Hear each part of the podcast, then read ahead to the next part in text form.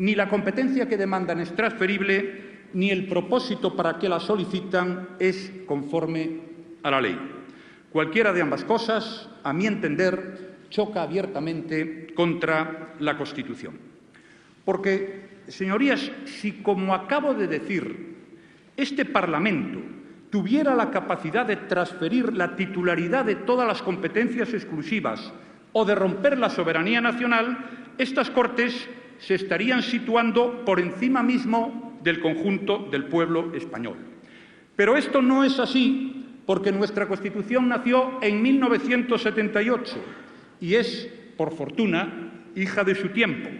Y por eso nos permitió construir lo que hoy, como ustedes saben, se llama una democracia constitucional, es decir, una democracia avanzada que asegura la protección de la soberanía nacional y la inviolabilidad de los derechos fundamentales de los españoles.